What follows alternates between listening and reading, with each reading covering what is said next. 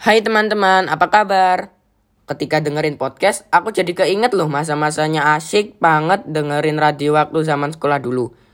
Kadang aku kepo gimana cara membuat naskah podcast, eh radio maksudnya.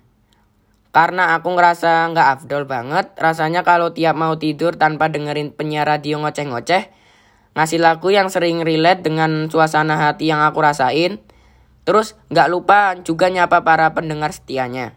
Terus hari ini aku jadi mikir gimana cara bikin naskah podcast, apakah sama dengan radio? Pokoknya asik banget deh, dan bikin aku kangen masa-masa itu. Tapi yang jadi pertanyaan, kok aku suka banget ya dengerin radio.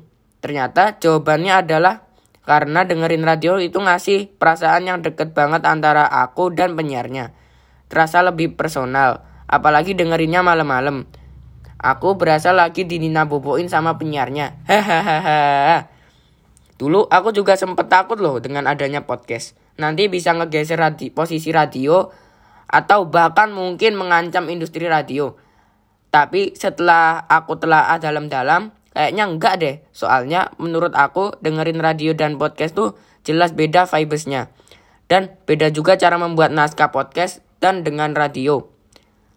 Aku bilang dengerin podcast tuh kayak lagi nonton vlog di YouTube. Bedanya ya cuman di bentuk audio dan videonya.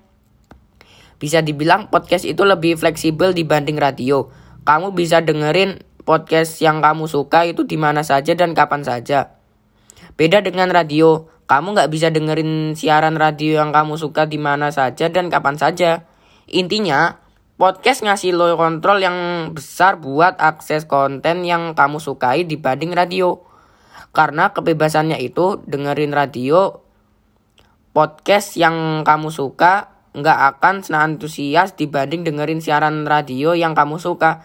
Karena podcast nggak memiliki elemen of surprise kayak radio.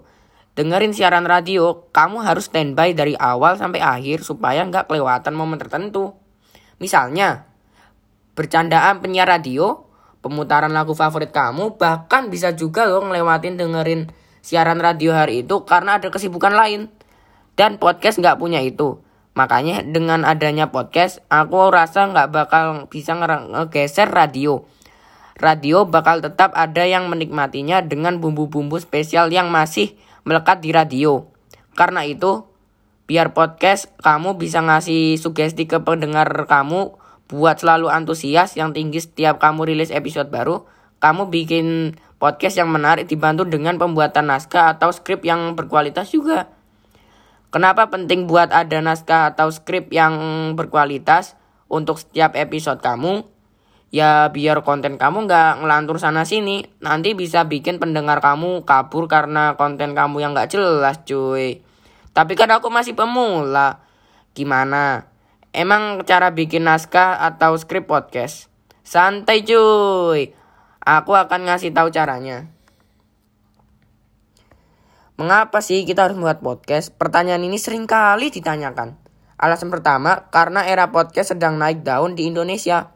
Meski terlambat dibanding Amerika dan Eropa, seperti digital kreator lainnya mengikuti era sama dengan membuat sisi kreativitas, kita tidak ketinggalan teknologi sekaligus mengkonvergensi atau menggabungkan berbagai media yang kita miliki untuk tuju tujuan tertentu.